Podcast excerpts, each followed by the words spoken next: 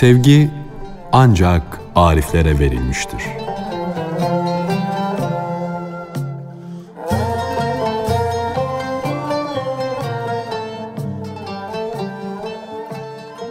Sevgi ancak ariflere mahsustur. İrfan sonucudur. Saçma sapan şeylere kapılan nasıl olur da sevgi tahtına oturur? Cansız bilgi nasıl bu aşkı doğurabilir? Noksan bilgi de aşk doğurur ama bu aşk cansız şeyleredir. Noksan bilgili bir cansızda istediği bir renk görürse, bir ıslıktan sevgilinin sesini duymuşa döner. Noksan bilgi bir şeyi bir şeyden ayırt edemez. Hasılı o, şimşeği güneş sanır. Peygamberimiz bir hadislerinde noksan olan melundur diye buyurdu. Bu noksan akıl noksanlığı diye yorumlandı. Çünkü uzuvlardan biri noksan olana Allah acır. Allah'ın acıdığı bir kişiye de lanet edilemez. Öyle kişi manen yaralanamaz. En kötü hastalık aklı iyi kullanamamak, sağduyu noksanlığıdır. Laneti getiren ve sahibini Allah'tan uzaklaştıran asıl hastalık da odur. Çünkü akılları tamamlamak, yani aklı yerinde kullanmak, sağduyuya dönmek mümkündür. Fakat bedende bir eksiklik varsa onu tamamlamaya imkan yoktur. Allah'tan uzaklaşmış olan her kafirin kafirliği hep akıl azlığından meydana gelir. Bedendeki eksiklikte bir kişilik bile vardır.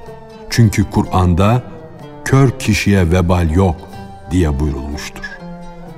Şimşek çok vefasızdır. Çakar, söner. Sen gönül aynasını kirlerden temizlemediğin için fani olanla yani sönüp gidenle baki olanı, ölümsüzü ayırt edemiyorsun. Şimşek çakıyor, adeta gülüyor. Kime gülüyor? Söyle. Şimşeğin ani, çok kısa olan aydınlığına gönül veren budalanın aptallığına gülüyor. Gökyüzü nurları yani yıldızlardan gelen nurlar izleri kesilmiş yani zayıf ve nakıstır. Fakat o doğuda da batıda da olmayan ilahi nur gibi nasıl olur? O sonsuz ilahi nur kimindir? Şimşeğin huyu bil ki bir an için gözleri kamaştırmaktır. Baki nur ise ebedi olarak gönülleri, gözleri aydınlatmaya yardımcı olur. Deniz köpüğü üzerinde at sürmek, şimşek ışığı ile mektup okumak, hırs yüzünden sonu görmemektir. Kendi gönlüne, kendi aklına gülmektir. Aklın hassası her şeyin sonunu görmektir. Sonu görmeyen akıl nefis sayılır. Nefse alet olan akıl nefs olmuştur. Müşteri yıldızı zuhale mat olursa uğursuzlaşır. Sen bu uğursuzluk içinde iken gözünü çevir de talihini uğursuz bir hale getirene bak. Bu denizin yükselişini, çekilişini gören göze sahip olan uğursuzluğu deler geçer. Uğurluluğa erer. Bu yüzdendir ki Allah seni bir halden bir hale döndürür durur. Hem de halden hale döndürürken zıttı da zıttı ile ortaya koyar. Sende sola döndürür diye korku belirir.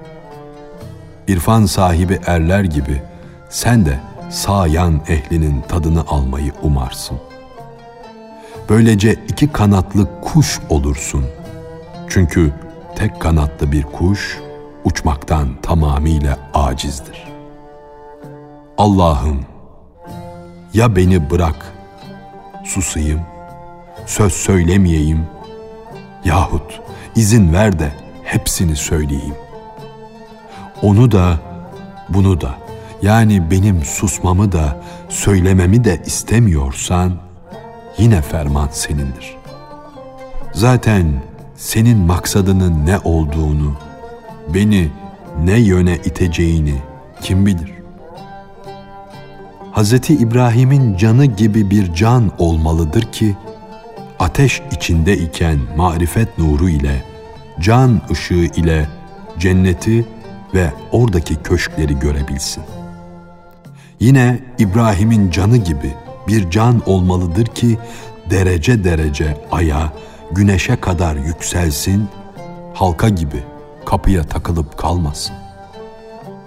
Yine İbrahim Halil gibi yedinci kat göğü açsın.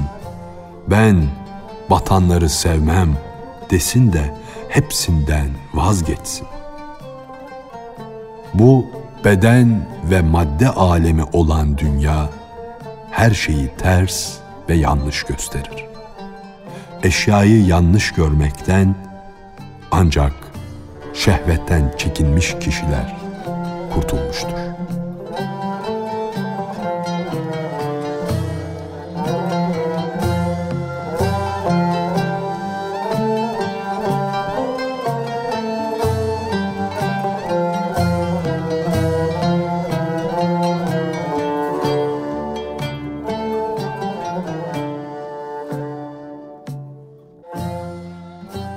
Hocası ile kendini bir gören talebe.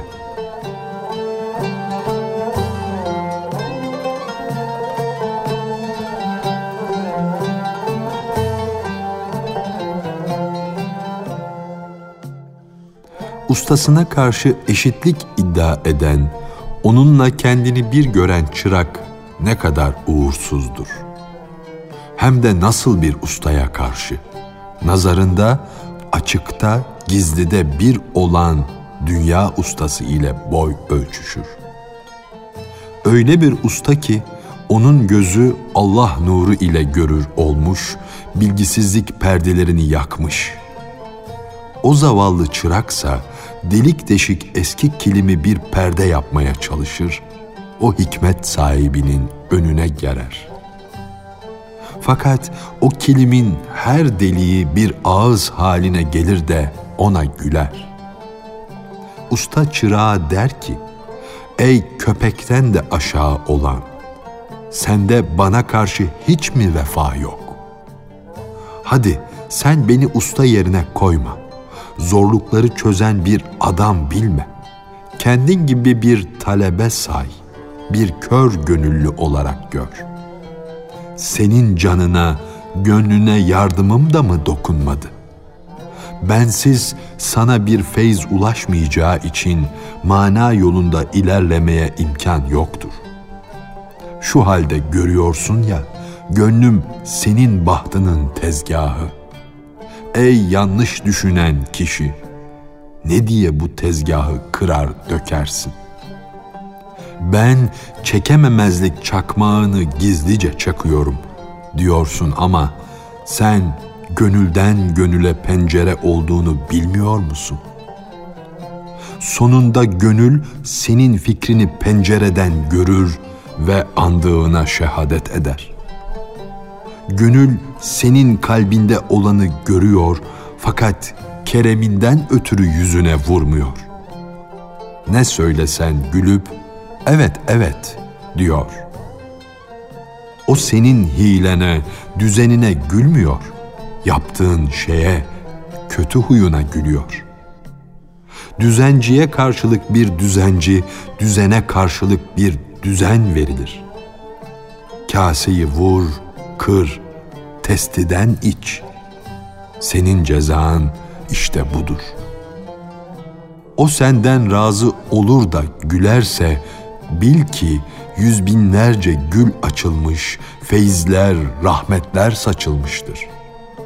Onun gönlü senden razı olur da işe koyulursa güneş bil ki Koç burcuna girmiştir. Güneşin Koç burcuna gelişinden gündüz de güler, bahar da güler. Çiçeklerle yeşillikler onun yüzünden birbirlerine karışırlar. Bir arada koşuşurlar. yüz binlerce bülbülle kumru, sessiz sedasız kalmış dünyayı sesle doldururlar. Başına gelen bir beladan ötürü can yaprağının yüzünü sararmış, kararmış görürsün de padişahlar padişahının öfkesinden haberin olmadığı için niyazda bulunmuyorsun. Tövbe istiğfar etmiyorsun.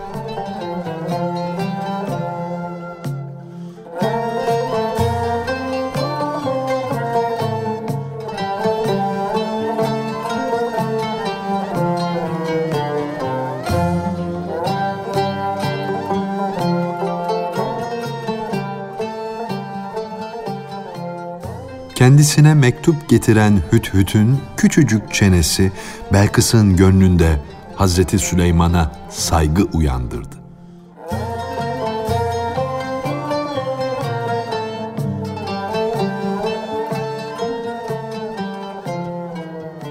Belkıs'a yüzlerce rahmet olsun. Allah ona yüz erkeğin aklını vermişti. Bir hüt kuşu ona Süleyman'dan birkaç satırlık bir mektup getirdi. Mektubu okudu, içindeki o derin nükteleri anladı. Mektubu getiren elçiyi yani Hüdhüd'ü bir kuş olduğu için hor görmedi. Çünkü Hüdhüd'ün bedenini Hüdhüd, canını Zümrüdü Anka, duygusunu köpük, gönlünü ise derya gördü. Akıl bu iki renkli tılsımlar yani suret ile mana yüzünden duygu ile Hz. Muhammed'in Ebu Cehil'le savaştığı gibi savaşır durur. Kafirler Ahmet'i insan olarak gördüler. Çünkü onun bir işaretle ayı ikiye böldüğünü göremediler. Ey hak aşığı! Sen duygu gözüne toprak sep.'' Duygu gözü aklın da, dinin de düşmanıdır. Allah duygu gözüne kör dedi. Puta tapan dedi. Bizim zıttımızdır dedi. Çünkü o köpüğü gördü. Denizi görmedi. İçinde bulunduğu zamanı gördü de yarını göremedi. İçinde bulunduğu zamanın da yarının da sahibi olan gözünün önünde durur da o hazineden ancak bir pul gördü. Hakikat güneşinden haber getiren bir zerreye şu gökyüzündeki güneş köle olur. Vahdet denizinin elçisi olan bir damlaya da yedi deniz esir olur. Bir avuç toprak bile onun yüzünden çevikleşince gökler o bir avuç toprağın önünde yerlere baş kor.'' Hazreti Adem'in toprağı Hakk'ın yüzünden çevikleşti de Hakk'ın melekleri toprağa karşı baş koydular. Secdeye kapandılar. Göğün yarılması nedendi? Toprağı açan, toprakla olan ilgiyi kaldıran, zorlukları halleden bir göz yüzünden idi.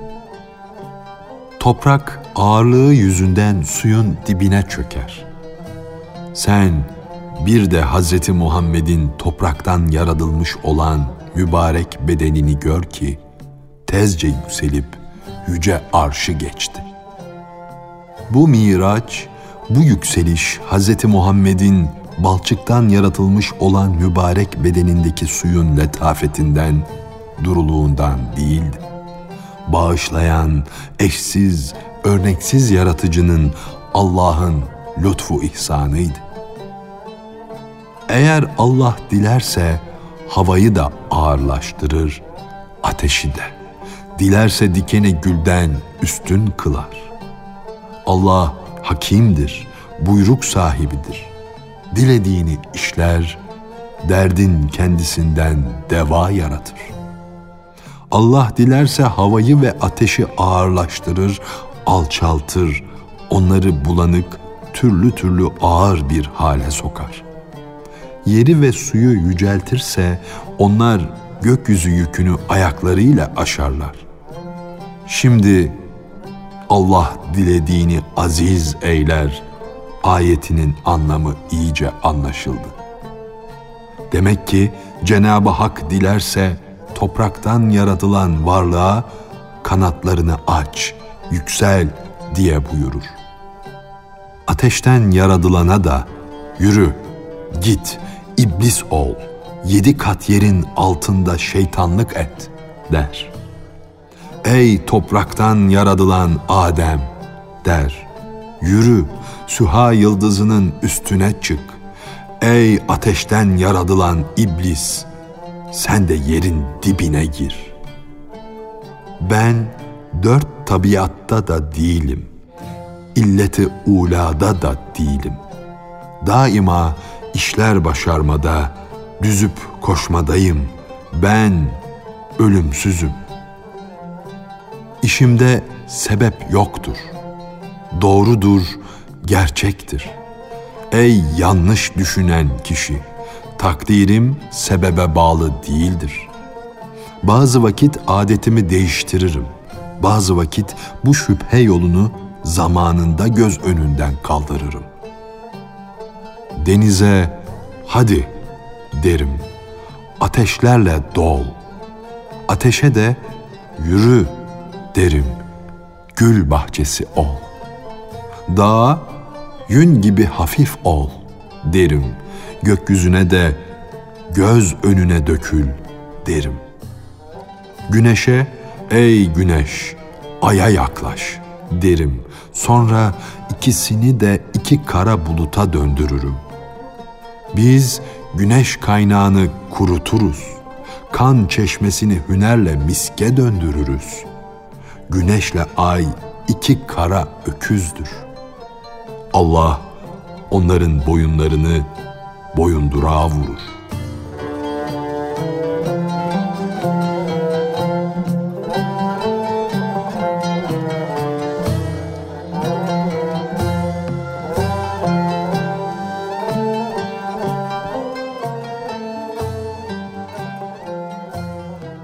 Bir filozofun suyu kaynağından keserse ayetini inkar etmesi.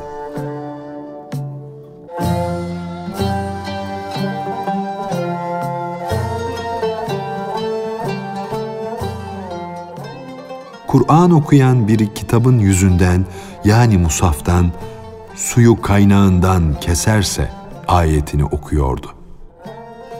Cenab-ı Hak buyuruyordu ki, suyu yerin derinliklerinde gizlerim, kaynaklarını kuruturum, orayı çorak yerlere döndürürüm.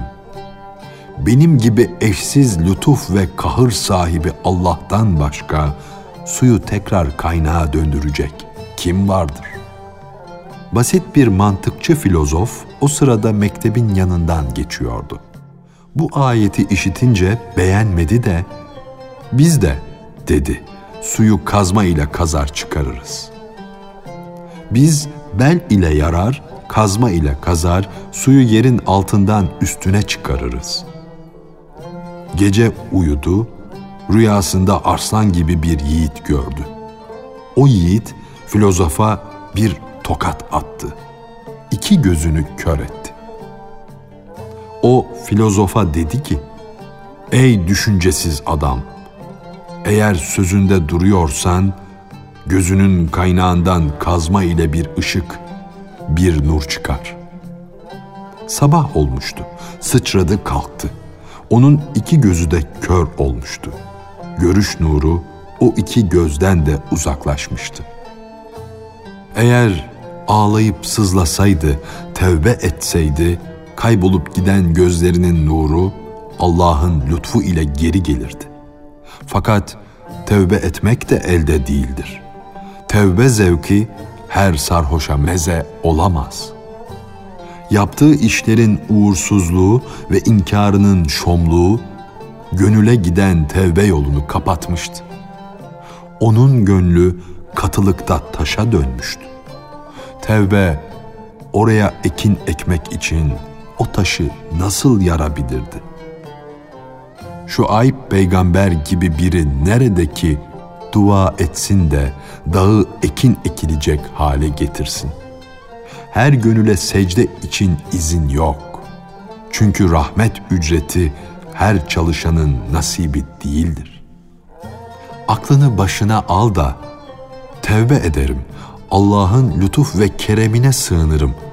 Düşüncesine kapılarak nefsin isteklerine uyma. Günah işleme. Tevbe için bir parlaklık yani bir iç yanışı, bir pişmanlık gerek. Tevbeye bir şimşek, bir bulut yani ah etmek, nedamet, gözyaşları dökmek şart. Bir meyvenin yetişmesi için hararet ve su gerekir. Tevbenin kabulü içinde bulut ve şimşek yani gözyaşı, iç yanması ister. Gönül şimşeği çakmaz, göz bulutu yağmur yağdırmazsa öfke ateşi, günah ateşi nasıl söner? Kavuşma şimşeğinin yeşilliği yani ilahi tecelli nurunun parlaklığı gönülde nasıl belirir? Mana kaynakları nasıl coşup akar? Yağmurlar yağmasa gül bahçesi yeşilliğe nasıl sır söyleyecek? Menekşe Yasemin'le nasıl ahitleşecek? Çınar ağacı dua için nasıl el açacak? Selvi havada nasıl baş sallayacak?